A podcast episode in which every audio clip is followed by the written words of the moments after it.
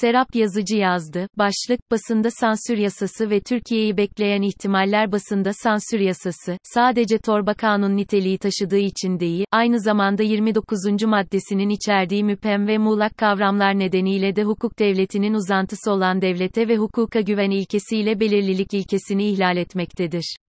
Resmi adı basın kanunu ile bazı kanunlarda değişiklik yapılmasına dair kanun olan, kısaca dezenformasyon yasası ve basında sansür yasası olarak adlandırılan kanun, 13 Ekim 2022'de Türkiye Büyük Millet Meclisi'nde kabul edildi. Kanunun önemli özelliklerinden biri, yürürlükteki çeşitli kanunlar üzerinde değişiklik yapmasıdır. Bu yönüyle kanun, torba kanun niteliği taşımaktadır.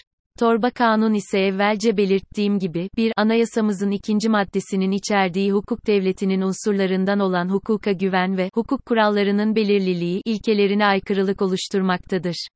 Anayasa Mahkemesi de yerleşik içtihatlarında bu ilkeleri hukuk devletinin unsurları arasında değerlendirmiştir. Mahkemeye göre, anayasanın ikinci maddesinde yer alan hukuk devletinin temel ilkelerinden biri, belirliliktir. Bu ilkeye göre, yasal düzenlemelerin hem kişiler hem de idare yönünden herhangi bir duraksamaya ve kuşkuya yer vermeyecek şekilde açık, net, anlaşılır ve uygulanabilir olması, ayrıca kamu otoritelerinin keyfi uygulamalarına karşı koruyucu bir takım güvenceler içermesi gereklidir.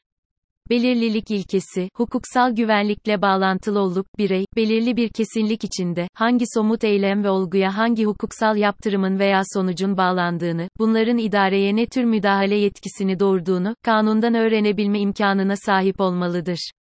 Birey, ancak bu durumda kendisine düşen yükümlülükleri öngörüp, davranışlarını düzenleyebilir hukuk güvenliği, kuralların öngörülebilir olmasını, bireylerin tüm eylem ve işlemlerinde devlete güven duyabilmesini, devletin de kanuni düzenlemelerde bu güven duygusunu zedeleyici yöntemlerden kaçınmasını gerekli kılar. B. Numara 2013 bölü 849 15 Nisan 2013 paragraf 34 B. Numara 2013 bölü 3063 26 Haziran 2014 para 41 42 Basında sansür yasası, sadece torba kanun niteliği taşıdığı için değil, aynı zamanda 29. maddesinin içerdiği müphem ve muğlak kavramlar nedeniyle de hukuk devletinin uzantısı olan devlete ve hukuka güven ilkesiyle belirlilik ilkesini ihlal etmektedir.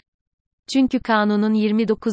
maddesi, bir fiilin suç oluşturup oluşturmadığı konusunda kamu makamlarına çok geniş takdir yetkisi sunmaktadır.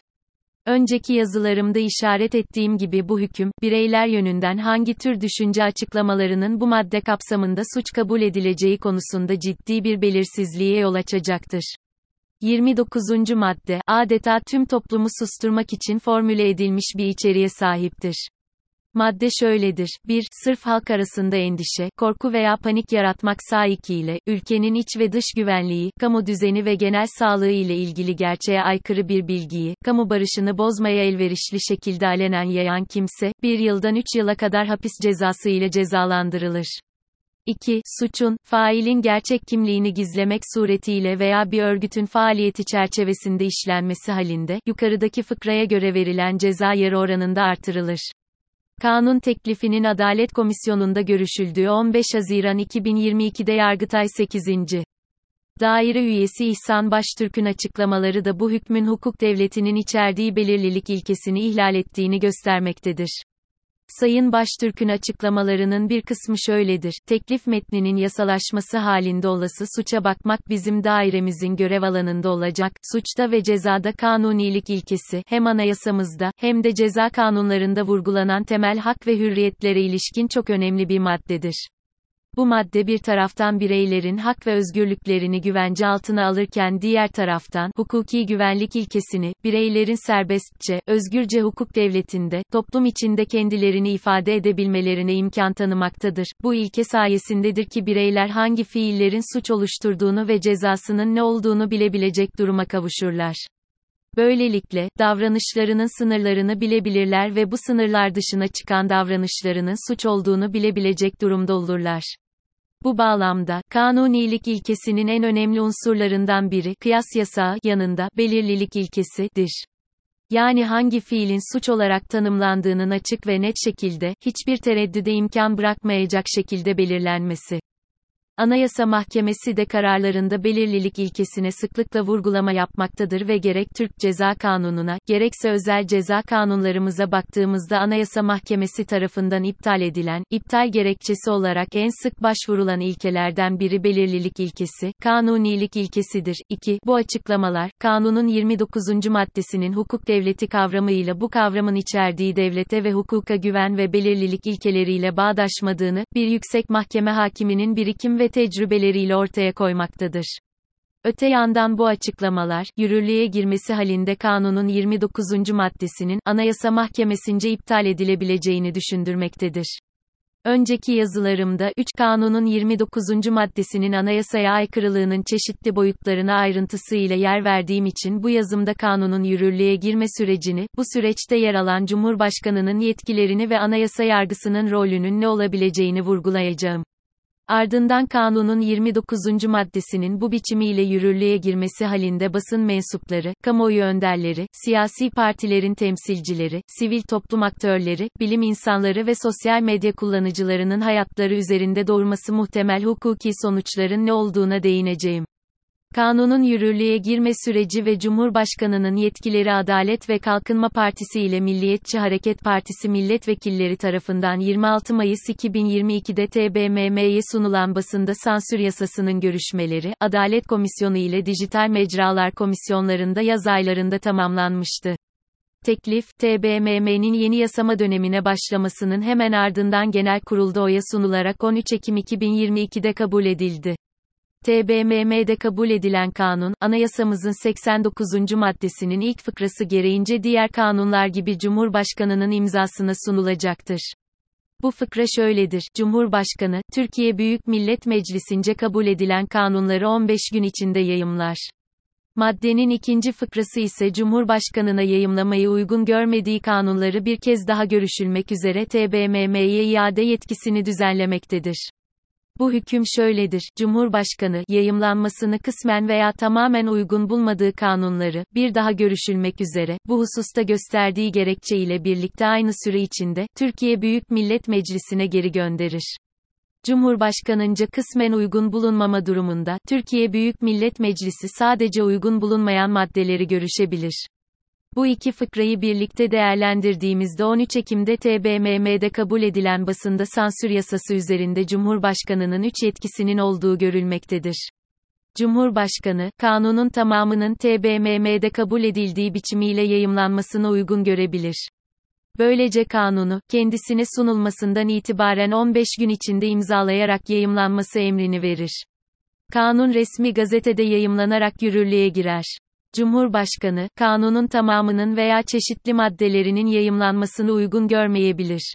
Böylece kanunun tamamının veya yayımlanmasını uygun görmediği hükümlerinin tekrar görüşülmesini sağlamak üzere metni TBMM'ye iade eder.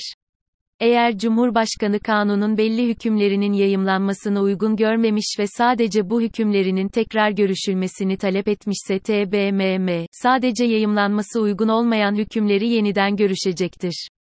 Ancak kanunun tamamının yayımlanması, TBMM'nin iade edilen metni anayasanın aradığı çoğunlukla kabul etmesinden sonra gerçekleşebilecektir.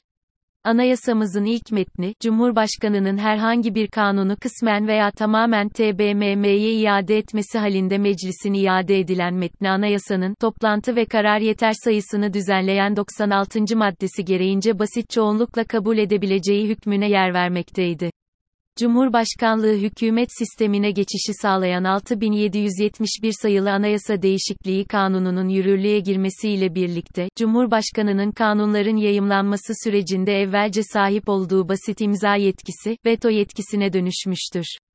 Anayasamızın 89. maddesinin 21 Ocak 2017 tarihli ve 6771 sayılı kanunla değişik 3. fıkrası şöyledir. Türkiye Büyük Millet Meclisi, geri gönderilen kanunu üye tam sayısının salt çoğunluğuyla aynen kabul ederse, kanun Cumhurbaşkanınca yayımlanır. Meclis, geri gönderilen kanunda yeni bir değişiklik yaparsa, Cumhurbaşkanı değiştirilen kanunu tekrar meclise geri gönderebilir.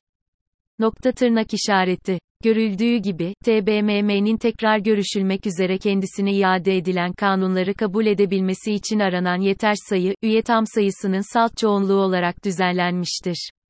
Bu, Cumhurbaşkanının imzasına sunulmadan önce basit çoğunlukla kabul edilen bir kanunun iade üzerine ancak 301 milletvekilinin oyuyla kabul edilebileceğini göstermektedir.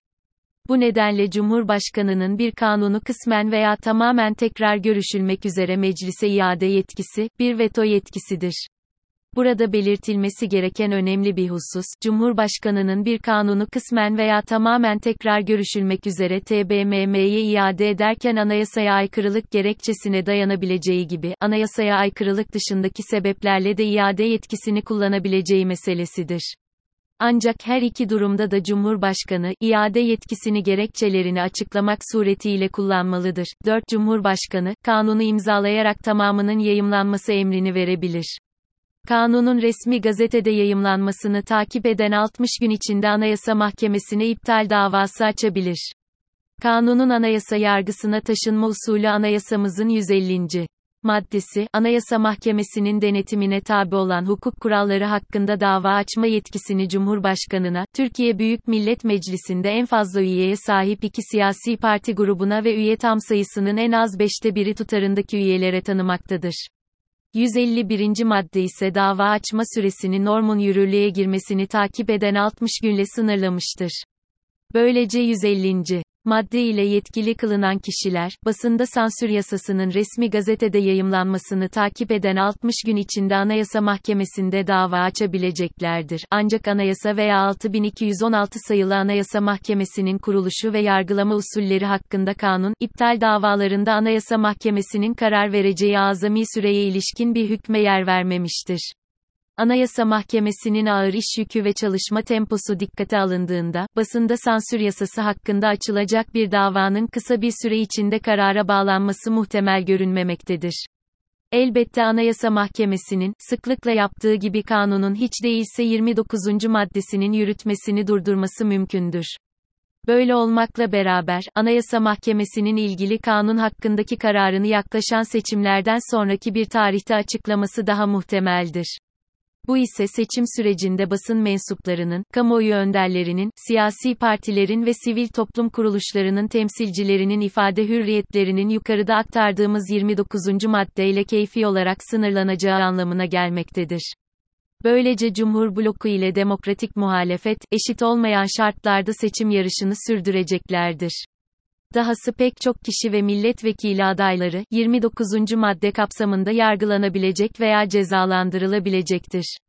29. maddenin ilk fıkrası, cezanın bir yıldan 3 yıla kadar olacağı hükmüne yer verirken maddenin ikinci fıkrası, bu cezanın yarı oranında arttırılabileceğini düzenlemektedir.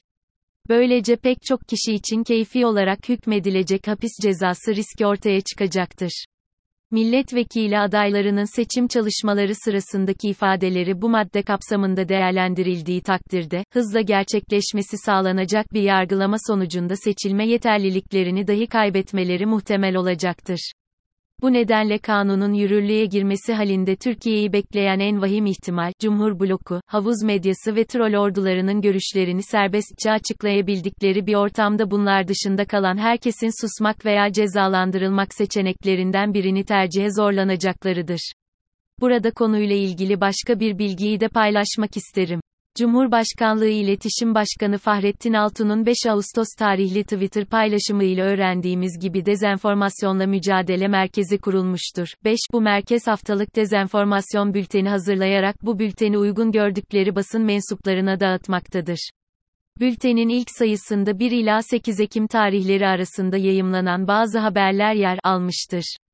Haftanın yalan haberleri başlığı altında sıralanan haberlerin yanına bu bir yalan haberdir. Hakikati paylaş grafiği yerleştirilmiştir. Kurumun başına getirilen İdris Kardeş'in konuya ilişkin açıklamaları şöyledir. Halkın hangi haberin doğru olduğunu anlaması için bu bülteni yayımlamaya başladık. 6. Görüldüğü gibi Profesör Bahadır Erdem'in ifadesiyle basında sansür yasasıyla hedeflenen cadı avı 7. Henüz kanun yürürlüğe girmeden başka yöntemlerle başlamıştır. Nokta. Bu haftalık bültenin çıkarılmasındaki asıl gayenin, savcıları harekete geçirmek olduğu anlaşılmaktadır. Anayasa Mahkemesi 29. maddeyi iptal eder mi? Önceki yazılarımda ayrıntısıyla açıkladığım gibi kanunun 29. maddesi, anayasamızın ikinci maddesinin içerdiği insan haklarına saygılı, demokratik, hukuk devleti kavramlarına aykırıdır. Bundan başka 29. madde, temel hakların sınırlanmasında uyulması gereken esasları düzenleyen 13. maddenin kapsadığı öze dokunma yasağı, demokratik toplum düzeninin gerekleriyle ölçülülük ilkesini ihlal etmektedir. Dahası bu madde, anayasamızın 25 ve 26. maddelerinin düzenlediği düşünce ve ifade hürriyeti hükümlerine de aykırılık oluşturmaktadır. Üstelik ileride ortaya çıkacak bir uyuşmazlıkta yargı kuruluşları anayasamızın 90. maddesinin 5. fıkrasına 2004'te eklenen hüküm nedeniyle kararlarını Avrupa İnsan Hakları Sözleşmesi'nin 10. maddesine göre vermekle yükümlü olacaklardır. Hatırlanacağı gibi bu hüküm, temel hak ve özgürlüklere ilişkin milletler arası antlaşmalarla kanunların aynı konuda farklı hükümler içermesi nedeniyle çıkabilecek uyuşmazlıklarda milletler arası antlaşma hükümlerinin esas alınacağını emretmektedir. Avrupa İnsan Hakları Mahkemesi'nin 10. maddeye ilişkin yerleşik içtihadı ise şöyledir. İfade özgürlüğü, toplumun ilerlemesi ve her insanın gelişmesi için esaslı koşullardan biri olan demokratik toplumun ana temellerinden birini oluşturur. İfade özgürlüğü, 10. maddenin sınırları içinde, sadece lehte olduğu kabul edilen veya zararsız veya ilgilenmeye değmez görülen, haber ve düşünceler için değil, ama ayrıca devletin veya nüfusun bir bölümünün aleyhinde olan, onlara çarpıcı gelen, onları rahatsız eden haber ve düşünceler için de uygulanır. Bunlar, çoğulculuğun, hoşgörünün ve açık fikirliliğin gerekleridir. Bunlar olmaksızın demokratik toplum olmaz. 8. Türkiye'nin 1989'da AİHM kararlarının bağlayıcılığını kabul ettiği düşünülürse Türkiye'deki yargı kuruluşları, uyuşmazlıklarda 29. maddeyi esas alan kararlar veremeyeceklerdir. AİHM'nin ifade hürriyeti hakkındaki yeni kararları ne söylüyor? Anayasa Mahkemesi, 13 Ekim 2022'de açıkladığı çok yeni bir kararında önceki içtihadına referansla ifade hürriyetini demokrasi ile bağlantılı olarak şöyle tanımlamıştır. Toplumun tamamını ilgilendiren ve kamusal bir tartışmaya katkı sunduğu konusunda şüphe bulunmayan konularda oluşan rahatsızlıkların yüksek sesle dillendirilmesinin ancak düşüncelerin herhangi bir engelle karşılaşmadan açıklanabildiği demokratik rejimlerde mümkün olduğu unutulmamalıdır. 9. Yüksek Mahkemenin bu çok yeni kararında konusundaki tutumu, basında sansür yasasının 29. maddesini de benzer bir perspektifle değerlendireceği konusunda güçlü bir umut yaratmaktadır. Ne var ki yüksek mahkemenin ağır iş yükü dikkate alındığında, kanunun 29. maddesi dahil çeşitli hükümleri hakkında açılacak bir iptal davasında kararını hızla açıklamasının muhtemel olmadığını bir kez daha belirtmek gerekir. Oysa kanunun 29. maddesinin anayasaya uygunluk denetiminin özellikle Türkiye'nin seçim satı meyline girdiği şu ortamda hayati bir önemi vardır. Basın mensupları, görevlerinin gereği olarak halkı gerçekler konusunda bilgilendirmekle yükümlülerdir. Keza asıl işlevleri iktidar yarışı olan siyasi partiler kamuoyunu, izlenmekte olan politikalar hakkında bilgilendirerek oy devşirmeye çalışmaktadır. Benzer şekilde tüm sivil toplum kuruluşları ve meslek kuruluşları, ilgili bulundukları alanlarda halkı gerçekler konusunda aydınlatmakla yükümlülerdir. Yukarıda işaret ettiğim gibi kanunun 29. maddesi, içerdiği müphem ve muğlak kavramlarla kamu makamlarına mutlak bir takdir yetkisi sunmaktadır.